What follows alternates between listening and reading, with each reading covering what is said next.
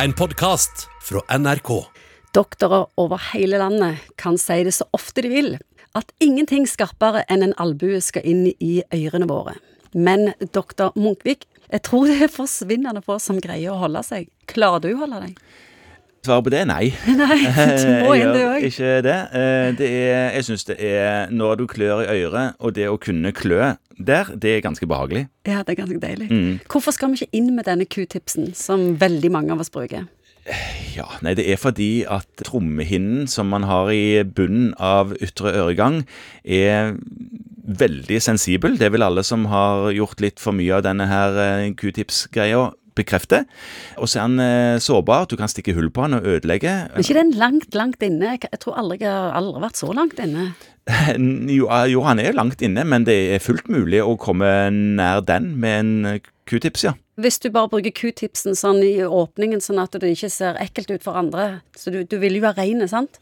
Ja. Gjør det noe, da? Nei, hvis du bruker Nei, det gjør ingenting. Når du leser om ørevoks og ører og sånn, og et q-tips, og så står det alltid at du kan dytte ørevoksen innover. Ja. Men vi bruker jo headset, millioner av oss, hver eneste dag, og setter det inn i øret. Ja. Lenger inn enn en albu. ja. Det går jo fint. Det går fint.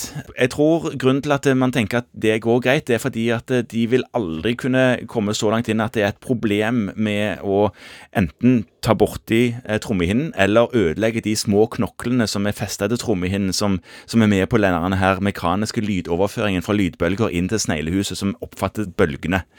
Jeg tror, eh, jeg tror nok det er grunnen. Hvordan merker vi at noe er galt med ørevoksen, da?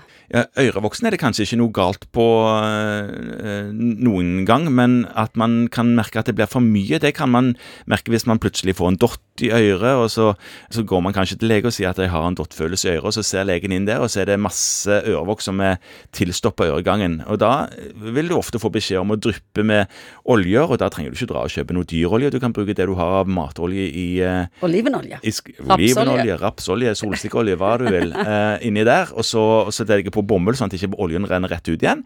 Og så sover vi dette her, og så spyler vi en stor sprøyte om eh, morgenen eller kvelden når du dusjer eller bader, med lunka vann. Og da løsner dette her ofte. Det er noen som driver på med dette for å holde øregangen fri. Hva er vitsen med ørevoks? Ørevoksen smører øregangen som en sånn fuktighetskrem til huden. Det er veldig tett eh, hud på i øregangen, og, og, og, og trenger liksom smøring den òg, sånn at den ikke skal bli tørr og begynne å klø. Og Da får du øregangseksem, og det er ubehagelig. Da, da er det medisiner for det, altså, men ørevoksen smører øregangen. I tillegg så er den bakteriedrepende, så det er litt sånn immunforsvar i det òg.